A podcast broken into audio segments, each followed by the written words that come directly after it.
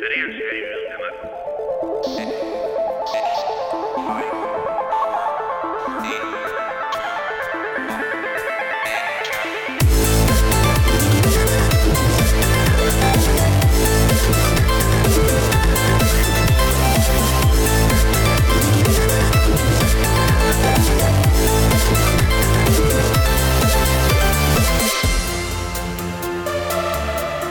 Martxoa hasi berria dugu, duela egun gutxi sartu gara hilabete berri honetan, eta normalean data hauetan zehar, batzutan pixkat lehenago, beste batzutan ja martxoan murgilduta Mobile World Congressa izaten dugu, pasaden urtean.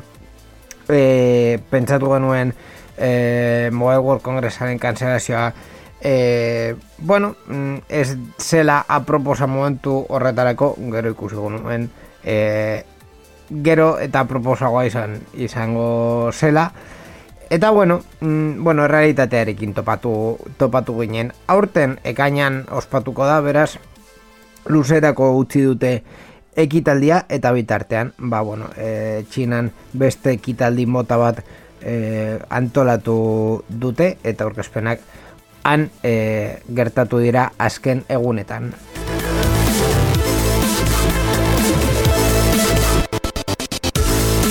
Mobile Kongresaren aurre ikuspenari buruz pizkat gehiago ere itzengo dugu programa honen berrien atalan, baina beste e, berri batzuk izango ditugu e, guztiak teknologiari buruzkoak eta e, bueno, protagonista handiekin, saiatuko gara e, azken egunetan eduki gehiegi izan ez digun arren, ba, entretenimendu pizka bat jartzea eta berriei buruz, teknologiasko berriei buruz hitz egitea zuekin e, tartetxo on bat eta positibo bat e, pasatzeko. Gurekin bat egin nahi baduzu teknologian e, murgiltzeko, ba, hemen daukazue saio hau dela sarean zehar.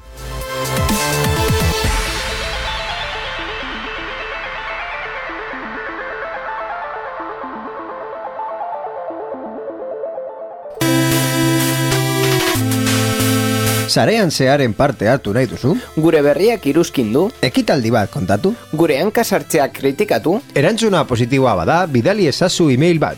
info abildua sareanzehar.eus gure whatsappa 6 sortzi sortzi 6 sortzi 00 sortzi bederatzi da. Telegram ere daukagu, 6 sortzi sortzi, 6 sortzi 00 sortzi bederatzi. Gure Twitter eta Facebookeko profiletan idatzi dezakezu ere. Eta ez ahaztu gure asteko agenda. Informazio guztia sareanzehar.eus webgunean.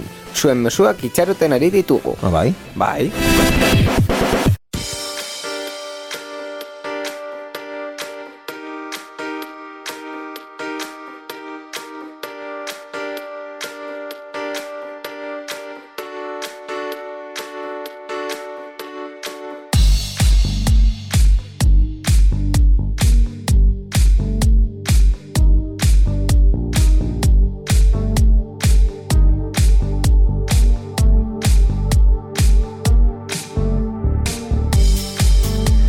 Basandako azken egunetako berrien e, berrietan murgilduko gara pizkat teknologiari buruz hitz egiteko eta e, plurala erabiltzen dut ez plural mai estetikoa baizik eta plurala plurala nirekin hemen e, Borja Arbosa dagoelako Arratsaldeon Borja Arratxaldeo inigo.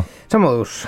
Bueno, ba, zuk esan duzun bezala, urte hurrena ospatzen dugu programa honetan, ez justu-justu, baina eh, mm, aste Gutxi gora bate atzerapenarekin, baina eh, COVID eh, gure bizitzen, bizitzetan sartu zen momentua, eh, bueno, mm, gutxienez, eh, alarma estatua atera zen momentua, jadanik ja eh, COVID gure bizitzan zegoelako, baina uste dugu Bai. momentu horretan izan zen kolpe definitiboa. Bai, azken, azken egunetan ikusi dugu nola, e, ba, bueno, ja biazte, duela biazte, e, hasi zirela erreportariak eta korrespontzalak kodoinotik informatzen esanez han egon zela lehenengo kasua e, Espainian eta duela gutxi ere, e, martxoaren batean, e, edo otxeiren hogeita sortzen, ez dugu goratzen, baina kontatu e, zuten lehenengo kasuak agertu zirela e, gazteizko txagorritxu ospitalean. Mhm. Eta hortik aurrera ja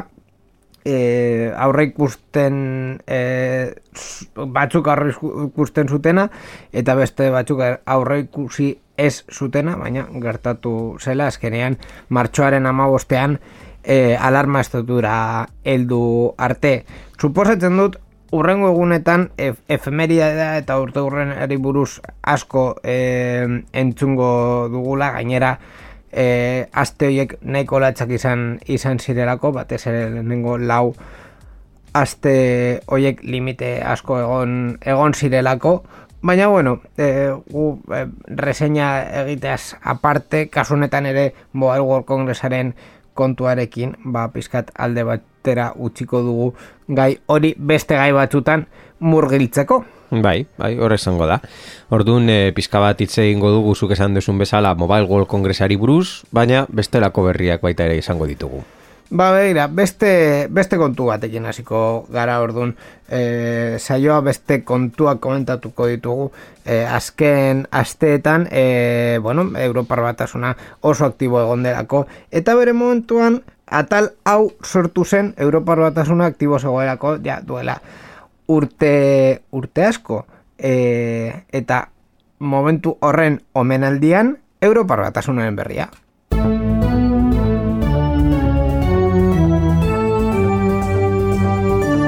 Europar batasunaren berria. Sarean zehar. gaur Europar Batasunaren berri irukoitza daukagu gainera, e, batzuk positiboagoak, beste batzuk pizkat negatiboagoak depende nor, norentzako eta batean e, nahiko e, berandu heltzen dela e, Europar Batasuna. Hasiko gara berri latzarekin behintzat e, Espainiako estatuarentzat.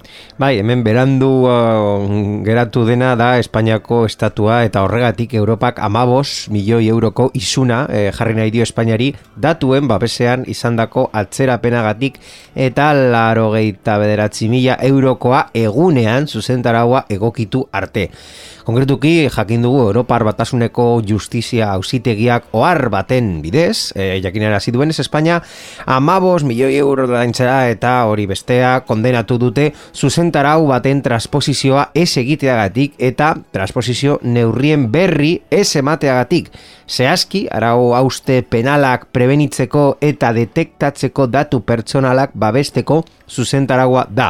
Lege hori Espainiako esparrura egokitu behar zen eta naiz eta idatziz bidali Espainiak ez du bete. Amen, kontekstua non jartzen da, noski Europa ba- batasunean erreglamendua datuen babesarako erreglamendua egin zenean 2006an, 2018an jarri zen indarrean, 2000 eta basortziaren bukaeran Espainiak parte bat egin zuen e, datuen babesarako legea onartuz, Bai. baina hori esen guztia. Zeren eta e, mota honetako datu pertsonalentzat e, arau hauste penalak prebenitzeko, poliziaren aktivitatea e, detektatzeko e, delituak eta bestelako infrakzioak, ba, arau bereziak behar dituzte, eta Espainiak ez ditu arau hau e, idatziz jarri. Claro, bere momentuan, uste dut komentatu genuela hemen zarean zearen, e, arazoak egoten ari zirela, e, justizian eta poliziaren arloetan datu pertsonak nola tratatzen ziren e, kontua hartuz, e, Europa bere momentuan, eta uste dut hor, horren e, hildora komentatu genuela e, berri, berri hori, abisua eman zuen, eta ja, e, izuna jartzera e, pasa du, ba, bueno, azkenen Europar batasunen beste finantzazio sistema ere bada. Bai. Diru, diru hori ez dela txar e, joango Europar e, batasuneko e, kontuetan edo aurre kontuetan. E, pro, legea proiektuan dago, hau da, e, pasaden otxaiaren amaikan e, gobernuak aurkeztu zuen e, e, diputatuen kongresuan e, lei e, organikoaren proiektua, e, baina, bueno, e, tramitean jarraitzen du, eta, eta bueno, martxoaren batar arte, pasaden e, astelenera arte egon zen, e, enmiendak, e, aldaketak e, proposatzeko. Orduan, e, klar, hori lehenengo puntua da gero kongresuan eta senatuan gorteetan e, jarraitzen den prozesua bukatzeko. Bai. Eta normalean sei hilabete ematen ditu gutxi gora bera, e, ez da ez da oso askarra.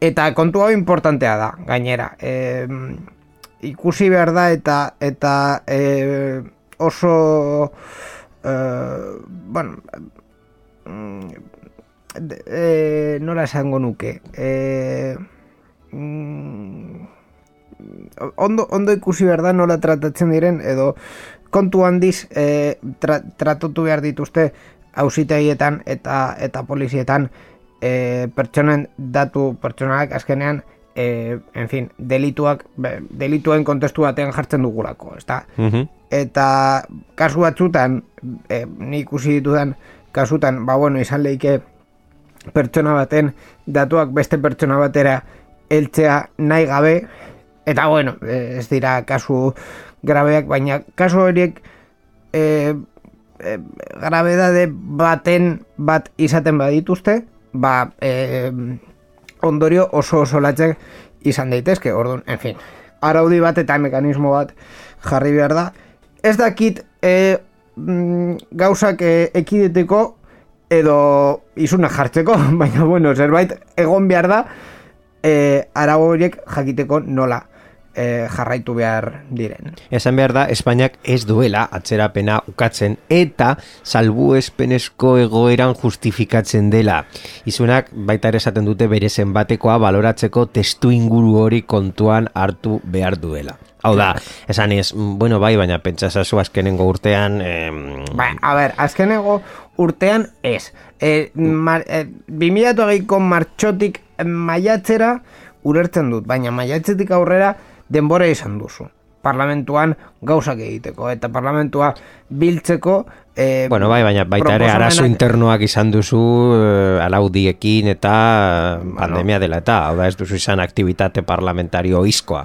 Bai, Ez, ez bakarrik bai, bai. parlamenta, parlamentoan egoteko arazoak egon direlako, Bai, bai. baizik eta gero aktivitate parlamentario baita ere Bai, kostatu zaie, bi, bi hilabetetan asko kostatu zitzeen, baina iraietik ona ez eh, berreskuratzea eh, aktivitate normala, ba, bueno, enpresa askotan eta administrazio askotan gurean ere, bueno, gurean, eh, eh, udaletxe askotan eta diputazio askotan eh, berreskuratu da aktivitate normala, orduan, en fin, atxerapen pixka bat, bai, baina printzipioz, hau, gainera, ez dena eh, administrazioa koordinatu behar direla edo sekulako plana egin behar dela, ez, araudia daukazu, eh, konkretuki eh, zuzentarau hau, Europatik etortzen dena, eta lege berri bat egiten nahi duzu, ez duzu ez da beste lege bat moldatu behar lege berri bat egiten nahi duzu, zuzentarauen eh, edukearekin.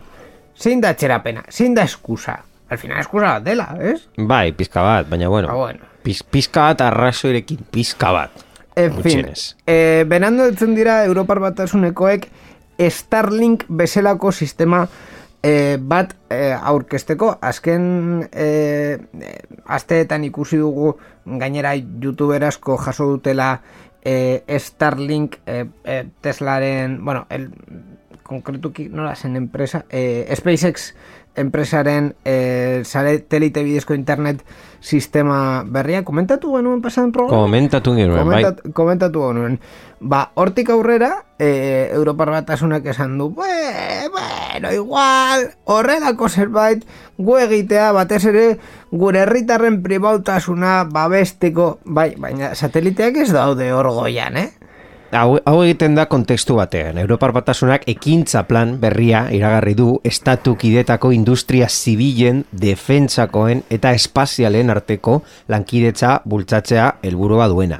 Ordun, eh, Margaret Vestager, presidente ordeak iragarri duenez, plan horren helburua Europaren abantaia teknologikoa indartzea eta oinarri industriala babestea da.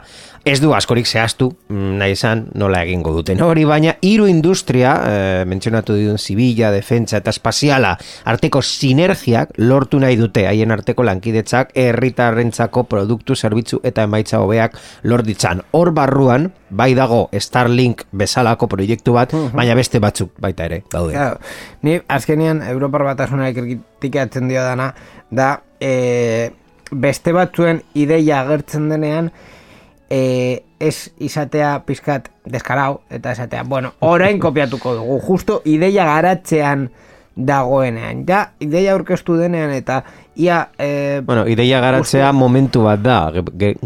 Ideia burutzu, burutzea momentua baino gehiago. Claro, baina- baina Starlink Star- frogetan dago momentu Claro, honetan, ez dauka Starlink- merkatu kontsolidatu bat.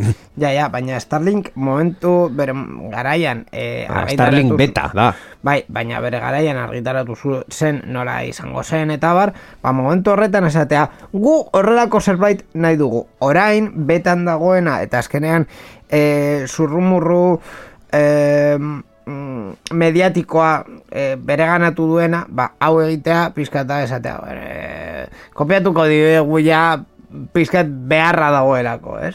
Bai, Hori izan, izan, izan zen bere momentuan GPS aurkeztu zutenean Amerikarrek, bueno, aurkeztu eta mugikor eta eta nabigatzaile guztietan jarri zitutenean, Bai. bat batean e, esa agertzen da hori esaten, bueno, gu, gure Galileo jarriko dugu martxan, hombre, hombre. Mm, En fin, Lehenik eta behin, uste dut Starlink ez dago GPS zegoen bezala garatuta, eh, hori esan behar da. Mm. Eta beste gauza bat, eh, Starlink uste dut kontsumitzaien txat eh, bideratuta dagoela, eta kasu honetan uste dut eh, plan global bat mm, dagoela, eh, daukala baita ere mm, industria, eh, defentsa eta espaziala barruan. Orduan, mm, hau botatzea, mm, uste dut, eh, kompetitibitate edo lehiakortasun enpresarialean baita ere daukala bere, bere abia puntuak. Bueno, ni nire eh, zalantzak Hala, dauzkat. azpiegitura publikoak izatea, mm, azpiegitura erabilgarriak izango badira, ez da idei bat txar bat izango inoiz ere. Dena den, e, ba bueno, e, ikusiko dugu, ze, ze egiten duten. Iruga, e, atal honetarako geneukan irugarren berria e, zen e, batez ere ogasunari, ogasunari buruzko berri bat. E, izenburuak esaten du, zenbat irabazten duen eta zenbat zer gauratzen dituzten teknologia enpresandiek e, Europako herrialde bakoitzean e, publiko egitera beharko dituela Europar e, batasunak. Bueno, mm, ondo, ez, konparazioa egiteko eta jakiteko Proiektu, proiektu bat da, orain, oraindik neurri ofiziala ez den arren, hogei bat herrialdek tartean Espainiak ekimen hori aurrera eramatea adostu dute Europako eh, kontseiluan, eh, ministru kontseiluan, bideokonferentzia informal batean. Ai, konkretuki, barne merkatu eta industria ministroek ostegun honetan parte hartu, ostegun batean parte hartu duten eh, konferentzia, bideokonferentzia informal. Baina, momentuz, Europar batasunean ezin dira eh, desizio ofizialak hartu bideokonferentzia batean. Orduan, bere estatu horiek formalki iragarri beharko dute, araudia, bultzatu eta Europako Parlamentua e- e- eramateko asmoa dutela eta ja bertan lanean hasiko dute Europako Parlamentuarekin. Bueno, ba, ikusiko dugu orduan Europarko parlamentuan iniziatiba hori eh, agertzen denean.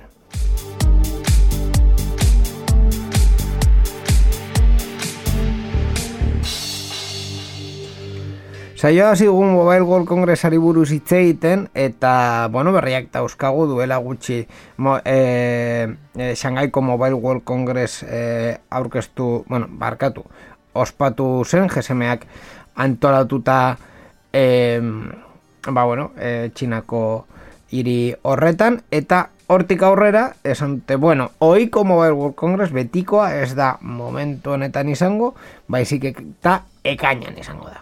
Bai, e, zuk esan duzun bezala, GSMak egin duen e, Shanghai, ez? E, Mobile World Congress Asia, asiatikoa, ba, egin da froga moduan eta e, Bartzelonak nahi du bere eventua virtuala ez izatea. Orduan, e, oraingoz, Bartzelonako mugikorren kongresu handi hau, bertatik bertara egiteko asmoa dute, hoi bezala, ez da otsaiaren amaieran izango, ba, badakigu, e, eta e, ba, ospakizun hau e, kainera eramatea edo ustaiaren lehenera bitartean hor hortik egongo da eta ospakizun fisikoa nolakoa izango den eta COVID-19 aurrean segurtasuna bermatzeko ze baldintza aplikatu diren azaltzen hasi dira. Antolatzaileek testak izango dituzte esparruan eta beraz bertaratzen direnek testak egiteko aukera izango dute. Esaten dute bere iritzia dela e, bikaina izango litzatekela mundu guztiak txertoa jarrita e, balu, baina mm, 2008 batean ezin, du, ezin dute horretaz fidatu. Beraz, probak aldez aurretik egitea espero dute, me burbui bat egitea e, kale nagusia esesik Bartzelona osoa dela ziurtatzeko, eta e, touchless ekitaldi bat izaten saiatuko direla gaineratu dute erregistrotik kongresuaren barruko ekitaldietaraino. Bueno, ba, ikusko dugu ea azkenean momentu horretan ekainaren hogeita sortzian eta ustaiaren e, hasieran egin al duten ekitaldi hau. E, bueno, iritsi aldatu aldatu dute ez, e, ez asko, Mobile World Congressaren hartoratzelek e, nahiko kontserbadoreak izan izan direlako, baina begira, iritziz bai aldatu duena izan da Renfe martxan jarri duela aurpegia aztertzeko, bueno, martxan jarri nahi zuela, hobeto esan da aurpegia hau, e, aztertzeko sistema bat, baina gero esan zuten, bai, bueno, igual, depende, mm, e, igual, momentu zez. Bueno, ofizialki ez dute atxera bota proiektu E, hau. baina esan dute, igual momentu zez, zuzenduko dugu proiektak eta, gero Bai, ikusiko. baina ez, ez dute esan ez dutela egingo. Bueno, Renfek aurpegi azterketa erabiltzeko asmoa du edukiera kontrolatzeko, nork egiten duen e, ikusteko eta bidaiaren profila egiteko. E, estazio nagusiak instalatutako berreun kamerak erabili nahi ditu proiektu piloto hau, Oraingo segurtasun agenteek soilik erabiltzen dituzte irudi horiek kontrolatzeko, baina Renfe denbora errealean ezarri nahi du irudien analizia adimen artifizialean oinarritutako algoritmoen bidez. Hau da, aurpegia ezagutzeko sistema automatizatu bat aplikatzea, erabiltzaile bat ateen azpitik igarotzen bada alertak jaso ahal izateko edo estazio bakoitzean zer motatako pertsonak dauden kontrolatzeko. Zuk esan duzun bezala, e, kontratu publiko baten bidez argitaratu dute, baina eh, egun batzuk pasata gero eta pixka bat polemikoa izan eta gero, ba, e, lizitazio hau plataformatik e, kendu dute, anulatu dute, baina arrazoia bakarrik e, akatzak e, Zuzentzeko zuzentzeko e, esan dute izango dela, orduan urrengo aste etan berriro ere ikusi dezakegu plataforma honetan. Claro, kontua izan da, hemen, eh, eh, hainbat, eh, bueno, kuadro bat jarri dutela, eh, hainbat eh, ezaugarri eh, aztertzeko, eta haien artean, eh, bai, eh, jarri zutela, eh, bueno, eh, haien artean eh, fraudea detektatzeko mm, sistemak adibidez eh, tornoak pasatzeko eh, sistemak, baina baita ere jarri zuten eh, bidaiariaren profila aztertzeko ezaugarri batzuk. Eta haien artean jartzen dute eh, adina generoa eh, ze, ze eh, eh, etnia daukan pertsona ze er- arropa mota daukan bakarrik edo taldean edo eh, eh, txikiekin eh, aurrekin badoan edo eh, nola dauden eh, posik badauden ez ba, posik deprimituta badauden eh, mm, nekatuta badauden edo ez, claro eh, kon, konkretuki e, parte honetan esan, esan zuten atal honetan e, datu guztiak bilduko direla eta egunean behin pasatuko direla sistema, sistema honetara. E, datu ze e, honetara. Baita ere jarri dute e, konportamendu antisozialak detektatzeko mm, mm, sistemak denbora errealean. Lapurretak e, mm, palizak, agresioak e, en fin. Claro, honetan ere e, jartzen dugunean hauek eta etcétera gero ikusi behar dugu zer den etcétera hori. Eta azkenean nola den implementazioa eta implementazio hori garden den e, edo ez. E, kasu batzutan e, ba bueno, izan leikelako adibidez manifestapen batetik datorren pertsona bat e, konportamendu antisozial hau izaten ari du edo ez. Poliziak sartu di- dira kasu batzutan e, trenetako andenetara nasetara mm, pertsonak bilatzeko. Orduan, en fin, claro, hori e, iritzi asko izan izan leike eta ikuspuntu asko izan leike. Eta bere momentuan ere, e, duela bi aste du zurrumorro, bueno, zurrumok, e, e, bueno, iritzi asko e, egon ziren zare sozialetan, e, zurrun bio pizka bat egon zen, eta horregatik badiru renfe esan zuela, e, pentsatuko dugu pizkat, hobeto. Hori da, rumora rumore esaten duena, gero ja, e, ofizialki esan dako izan da, berrikusi behar dutela edukia. Azkenean edukiera arauak eh, betetzea edo ez betetzea beti izango da mm, nola nahi gauza subjetiboa bat. Be, poliziak beti bere iritzia izango du zu gauza ondo egiten dituzun edo ez edo arauak bete mm, estriktuki esanez eta hori baita ere gertatzen da zuk esan duzun bezala eh, interneten edo sare sozialetan edo foruetan edo beti egongo da pertsona bat mm, gutxienez atzean edo e, batzutan baita ere egiten duela algoritmo edo makina bat eta e, jendea jakin nahi duela zergatik e, hartu dituzten erabaki hauek edo nik e, ez, ados ez banago eta rekurtso bat edo edo alegazioak edo nire iritze eman dai badut e, hau ez da gertatu horrela edo nik ez nuen hori egin nahi edo e, nik ez dut hau nahi egin edo bueno edo zein motatako argudioak eta batzuk arrazoiarekin baina errealitatea da beti e, inteligentzia artifiziala erabiltzea ba, gauza honak ekar dezakela baina horrenako arriskuak baita ere eta gainera ere e, bueno, e, datuen babesarako e, araudiak esaten esaten duena konkretuki e, jatorri etnikoa mm, babestuta dago bereziki bai. e, bederatxigarren artikuluan orduan e, ez bada kon, e, osea, konkretuki pertsona bat identifikatzeko ez den arren e, ez da nahikoa e, erabiltzaileak e, bilete bat adibidez hartzen duenean onartzea e, bere datuak tratatzea bueno, bere datuak ez, ez bakarrik bere datuak baizik eta bere e, bere jatorri etnikoa identifikatzeko. Ez ez bada lot, oza, e, izan leike ez lotzea bidatuak norsaren eta zure jatorri etnikoa, baina mm, e, adituek kan, konkretuki hemen e, e, erakurtzen ari dugun berrian e, Samuel Parra e, datu babesen, egidako datu babesen e, espezialistak esaten duen arabera e, datu hori babes berezia behar du eta mm, en fin, horrela alo bruto ezin da ezin da holan tratatu. Ojo, Renfes da bakarra onelako proiektu bat aurkeztu duena, baizik eta ja, Iberia baita ere aurkeztu du proiektu bat egiteko fakturazio eta enbarke sistemak, baita ere rekonozimendu fazialekin, hau da, gaur egun sartzen garenean e, enbarkeko ateetan eta fakturazioa egiteko momentuan, ba, gure dokumentazio, e, agiri nazionala eta e, identifikazio moduak, ba, guzti simplifikatzea mm, bakarrik gure gure aurpegiarekin eta gure aurpegi sistema errekonozimendu sistema egiten duen bezalako batekin tablet batean e, momentuz e, desarrollatzen ari dira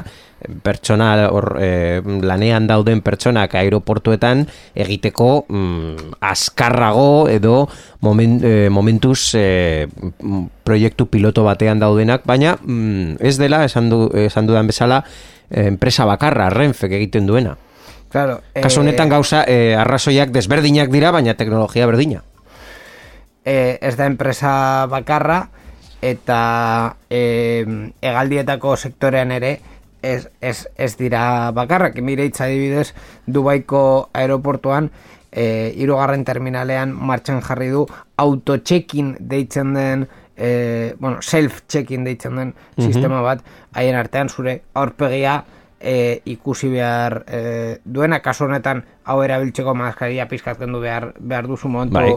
momentu batean, baina zu e, guztia egiten duzu, egiten duzu tipo Juan Palomo, eh? e, e, jartzen duzu hor zure maleta, maletari e, tiket e, luze hori pegatina luze hori eh, A supermerkatuan bezala, botoi bat ematen diozu, ateratzen da pegatina bat, jartzen bai, diozu pegatina. Bai, bai, bai. horrela, eta zure pasaportea ere eskaneatu behar duzu e, puntu hauetan, orduan, mm, ba, ba bueno, e, Bueno. ez berri berria, ez da Iberiarako ere, edo egaldien sektorerako ere, baina, bueno, e, kasu honetan e, agian ez, ez da hain polemikoa, azkenean zure pertsona identifikatu behar dela, et, behar delako, eta ja, zure aurpegian, e, da, bueno, zure dut- daude zure zaugarri guztiak? Pertsona askok ja kokotaraino gaudela aeroportu bat eh, jutea eta hor bi hor duterdi itxaroten egotea horrelako gauzak egiteko.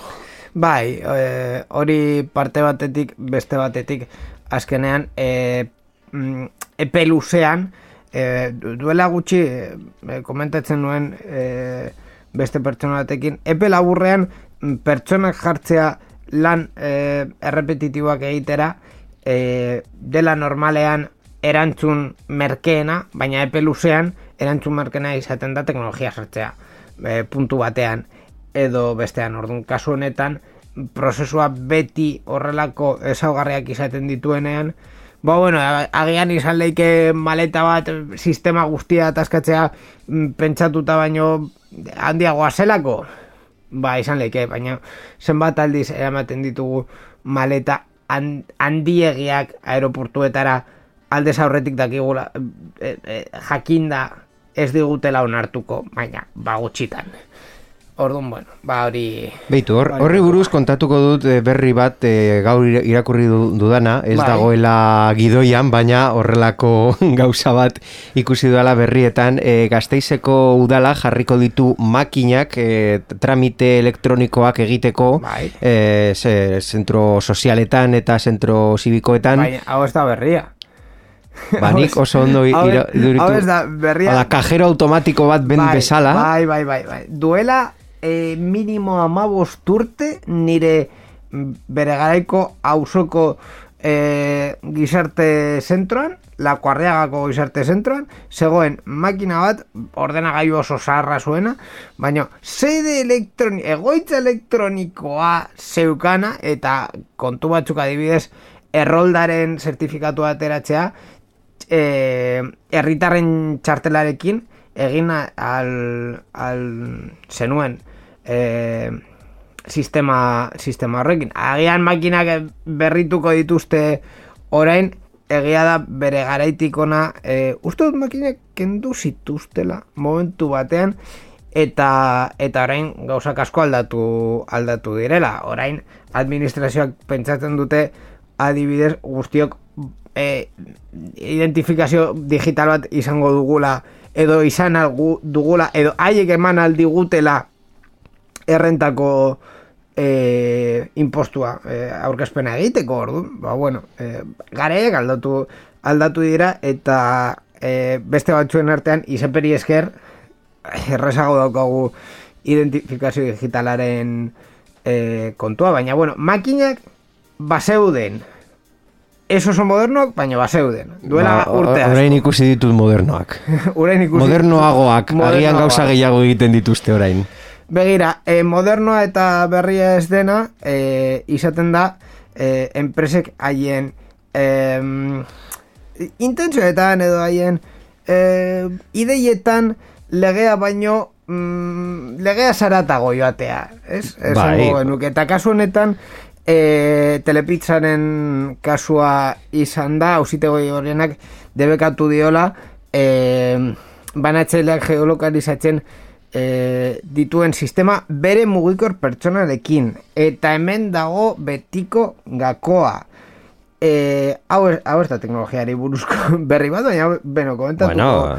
dugu. E, premisa orokor bezala, jakin ez desazuten, e, entzule maiteok, enpresa batek zerbait nahi badu, eman behar dizula. Hau da, haiek nahi badute zu hogeita lau zazpi egotea lokalizatuta beti eta bar, minimo enpresako mugikor bat eman, eman behar dizute. Eta ez badizute ematen, zu eskubide daukazu zure mugikorra piztuta edo itzalik izateko nahi duzun momentuan.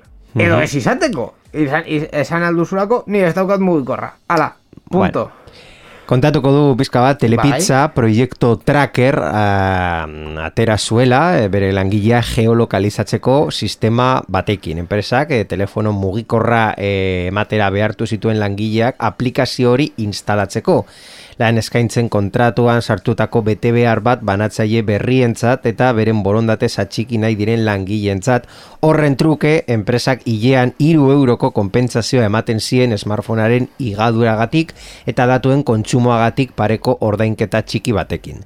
E, enpresak esan du konpentsazioak ematen dit- dituztela, baina hausitegi gorenak esan du lehenik eta behin horre ez dela nahikoa, eta bigarrenik ba, e, beren kontsentimenduarekin ez, ez zela izan. Hau da, nik e, dirua ordaintzen dut, baina beraiek ez daude ados dirua ordaintzarekin eta ez Claro. daude ados kantitate horrekin. Claro, eta gainera e, kontratu berrientzako ez zuten alternatibarik ematen eta e, Noski hau pentsatuta zegoen e, repartoak egiten dituzten, banaketak Claro. egiten Claro, dituzten banatzaileentzako. pertsonentzako, banatzaileentzako, hau da. Banatzenentzako. E, Ausitegi gorenak e, esaten du mm, bueno, ez dela berez ez dela e, zalantzan jartzeko e, neurri bat em, Claro, e, kontua dela sistema hau jartzea ba, interesgarria izango e, litzateke e, baina horrela implantatu den moduan eta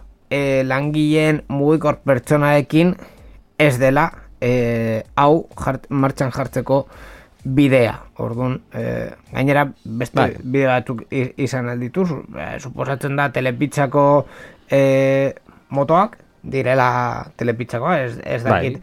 Aloka, Bueno, ez dakit. alokatzen Edo diren Erosten, saltzen ez dakit. E- erosten edo alokatzen diren, baina azkenean e, di- diru bat jartzen baduzu moto horiek pintatzeko e, e, eta zure marka jartzeko eta bar, hoietan ezin duzu sistema bat jarri e, lokalizazio hori emateko e, pedido horiek e, denbora reale, realean lokalizatzeko pertsonaren pribautasunean sartu gabe, claro, hori e, Garestiagoa? garestiagoa da honekin konparatuta, Gauza, claro. gauza da, epaiak esan duena da telepizza eta bere langileak ba, nahi duten gauzak mm, pakto batean sartu nahi dituz, aldituztela, baina hau Bai. ez da pakto bat. Hau da, ni jartzen ditu kondizioak eta zuk e, ireki ahoa.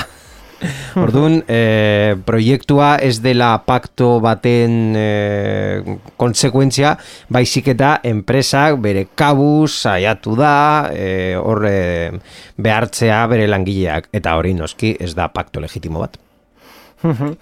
ba, bueno, e, ibilgaioi buruz hitz egiten, begira, e, berri bat eh, oso interesgarria sortu da azken egunetan, e, autoelektrikoentzako gigafactor, bueno, gigafactoria, faktoria oso handia martxan jarriko dela bateriak egiteko Valentzian, Ford, Iberdrola eta beste hogeita hiru enpresen arteko aliantzari esker. Mhm, Horrela anuntziatu du Tximo Puig, e, Valentziako ko, autonomia hor- erkidegoko hor- presidentea. Horrela ez, badakizu nola anuntziatu du, Nola?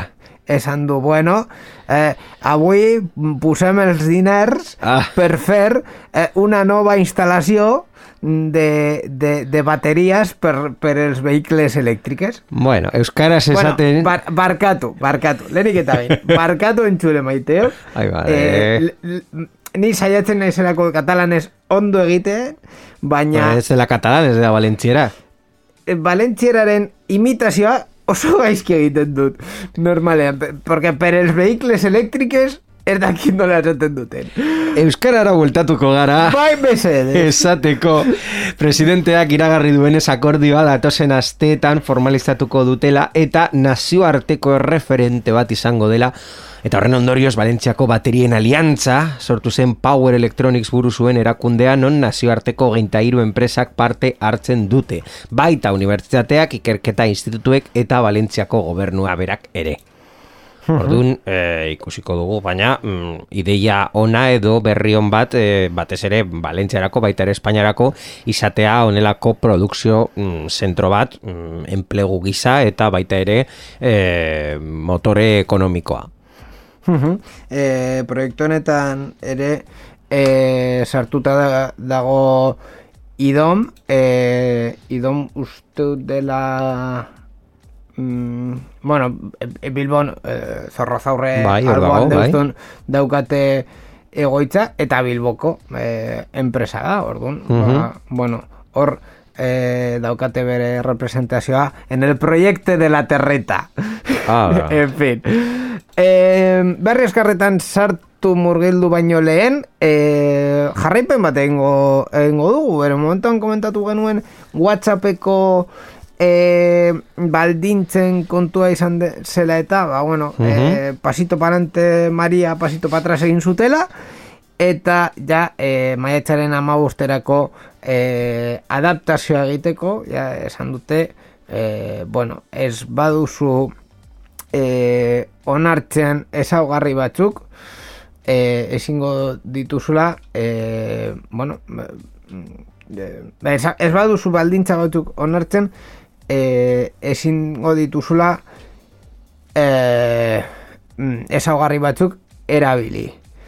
E, konkretuki Europan uste dut berriak esaten duen e, arabera e, ez dute asko aldatuko, ez dute beste herrialdeetan, baino e, be, aldatuko kontu hauek, baina e, bueno, e, aldaketak ere egongo, egongo dira. Bai, e, kontatu genuen bezala, e, termino eta baldintza berriak onartzea ezinbestekoa izango zen WhatsApp erabiltzen jarraitu alesateko. Hori da, maiatzaen amabosta baino lehen egin beharko dugu, mm, datu hauek e, bai, e, onartu izango diren ba, gaur, baina maiatzaen amabosta izango da epe maksimoa, eta egiaztatu al izan dugunez ez du eragin nabarmenik WhatsAppek Europar batasunean erabiltzen dugun moduan. Eta ez baditugu onartu nahi, ba, informazioa gure kontutik deskargatu eta ezabatu dezakegu, baina aplikazioa erabiltzen jarraitu nahi badugu onartu egin beharko dugu. Eta e, ez baduzu egiten, ba, WhatsAppek aplikazioaren funtzioak mugatuko ditu. Terminoak onartzen ez baditugu denbora tarte labur batean deiak eta jakinarazpena jaso ahal izango ditugu, baina ez aplikaziotik mezuak irakurri edo bidali. Gainera Ah, WhatsAppek kontu ah. inaktiboen politika aktibatuko du, izan ere kontu bat ez da aktiboa eunda hogei egunez e, jarduari e, ez duenean. Terminoak onartzen ez baditugu luzera gure kontua esabatu egingo da. Bueno, ba... eh, ja, dakizu zeintzuk diren ondorioak. Bai, ba, begira, luzera, nire WhatsAppeko akontua ezabatuko da. Ze pena. Hala, e, guazen zuzenean berri askarrekin. Berri askarrak, sarean zehar. Eta berri askarretan hasiko gara, nire sagua topatzen ez duako topatzen, eta bigarren berrian, bueno, behin sagua topatuta, Twitter super followak iragarri ditu ordainpeko arpietzak izango denak. Bai, e, Twitter bere sare sozialetan probatuko dituen urrengo ezaugarriak iragazki, e, iragarri dizkie inbertitzaiei besteak beste. Communities interesen arabera antolatuta eta spaces ahotsaren bidez komunikatzeko, baina, horien artean, super follow funtzio berria nabarmentzen da. Ilean, lau koma laro geita emeretzi dolarren truke erabiltzaileek txio eksklusiboetan sartzeko aukera ematen duen arpidetza. Bueno, eh, abantaia izango da pornoa ikusten baduzue Twitter eta OnlyFansen, ba orain plataforma batean izango duzuelako. Spotify, Spotify ifi kaleratuko du kalitate galerik gabeko audio aukera berria. Hori alde batetik eta beste batetik auke orde batera heldu da. Warnerrekin e, DC-ko pertsonaiak egokitzeko podcast supertxulo batxutan. bai, Spotify Hi-Fi da, Spotify aurten kaleratuko duen aukera berriaren izena. Eta ez da audioaren kalitatea galduko.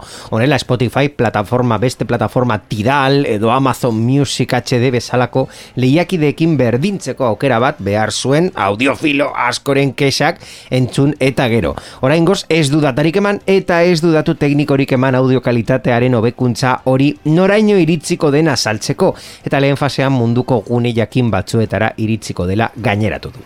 Bueno, kalitate gehiago nahi baduzue gu- zure Spotify kontuetan, ba adibidez ez entzun maluma. Eta azkenik erresuma batuko ausitegi gorenak, Uberrek e, Uberren aurkako epaia emanen du. Bai, ala ziurtatu du erresuma batuko ausetik giroenak gidarietako batzuk enpresako langileak direla eta ez autonomoak 2006tik daraman epaiketa batek hainbat alegazio esan ditu eta horren amaitzen da, konpainiaren lan egiteko moduaren kontrako errepaso gogor eta berri bat markatuz. Epaia ez dator bat konpainiek defendatzen duen jarrerarekin, izan ere langileekin lankidetzan aritzeko moduan aldaketak egin dituztela argudiatu dute eta justiziak bere iritzia eman duen kasuetan babesten ez duen rider autonomoen eredua defendatu dute. Bueno, e, ondo dago orain e, Uberreko langileak Globo eta Uberitzeko bueno, bai, Uberitz eta beste Uber bezalakoak izatea e, enpresak mesedes ordaindu zuena kotizazioak eta bar eta eta zergak eskerrik asko.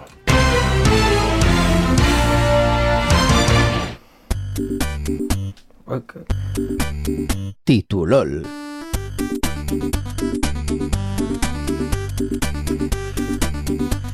Pizkat sartu da ni esaten, ui, que bien, ze ondo goaz, ze ondo sartu da sintonia, eta, eta ni gainean, oso ondo, en fin.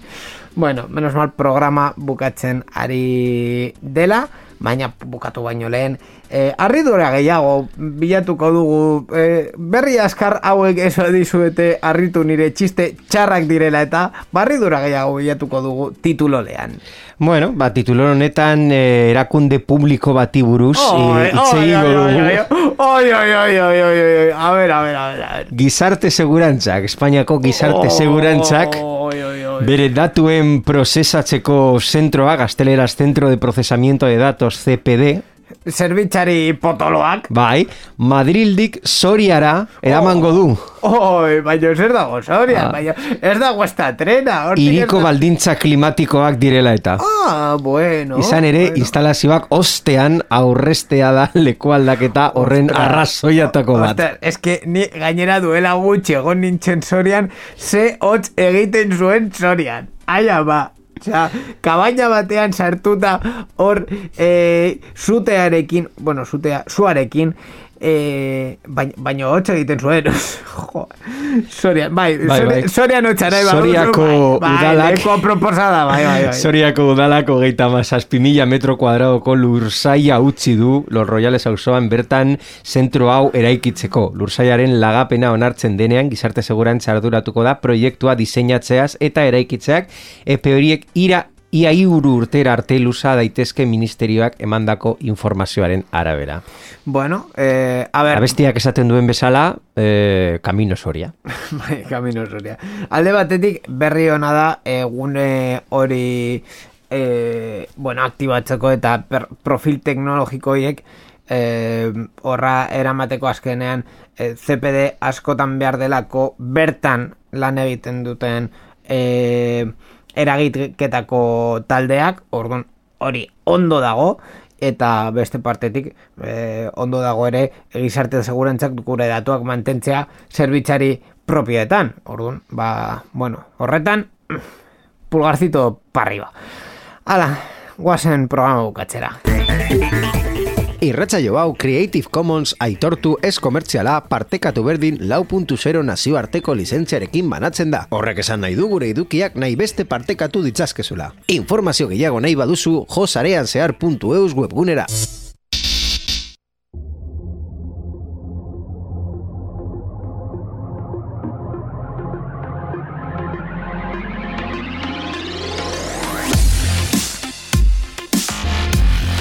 Ba, onaino zaren zehar, irureun tamabi hau, e, egia esan da uste dut, nahiko ondo geratu dela geneuzkan berriak kontuan izan da, ezta?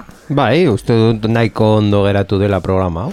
Ba, bueno, e, bi aste barru beste gauza bat egingo dugu, hobea edo txarro gaia, ikusiko dugu momentuan eskerrik asko borjarbosa, bi aste barru, hemen sarean zer gehiago. Eskerrik asko inigo horrela izango da eta aurrengo programan berriro entzungo gara. Mm, Bai, alaxe da, eta baita ere eskerrik asko berrikuspen teknikoan dagoen Mikel Carmona e, pertsona tremendari, eske ezin diogu beste gauza bat e, esan. Ez dakit ondo geratu den euskeraz, baina, bueno. Eta baita ere irratietan dauden e, teknikari eta ekoizpen taldeei haien lana baita ere ezinbestekoa derako e, programa hau posible egiteko. Eta baita ere, zuen lana dela entzutea, gozatzea eta partekatzea sarean zehar, gure Twitterren sarean zehar, abildua sarean zehar, eta baita ere Telegram mm, e, akontuan gaude sarean zehar dela, eta gure webgunean e, irueikoitza.sarean zehar puntu eus bi aste barru teknologia gehiago leku honetan, sintonia honetan edo podcast honetan e, aplikazio honetan hemen, zarean zearen, agur!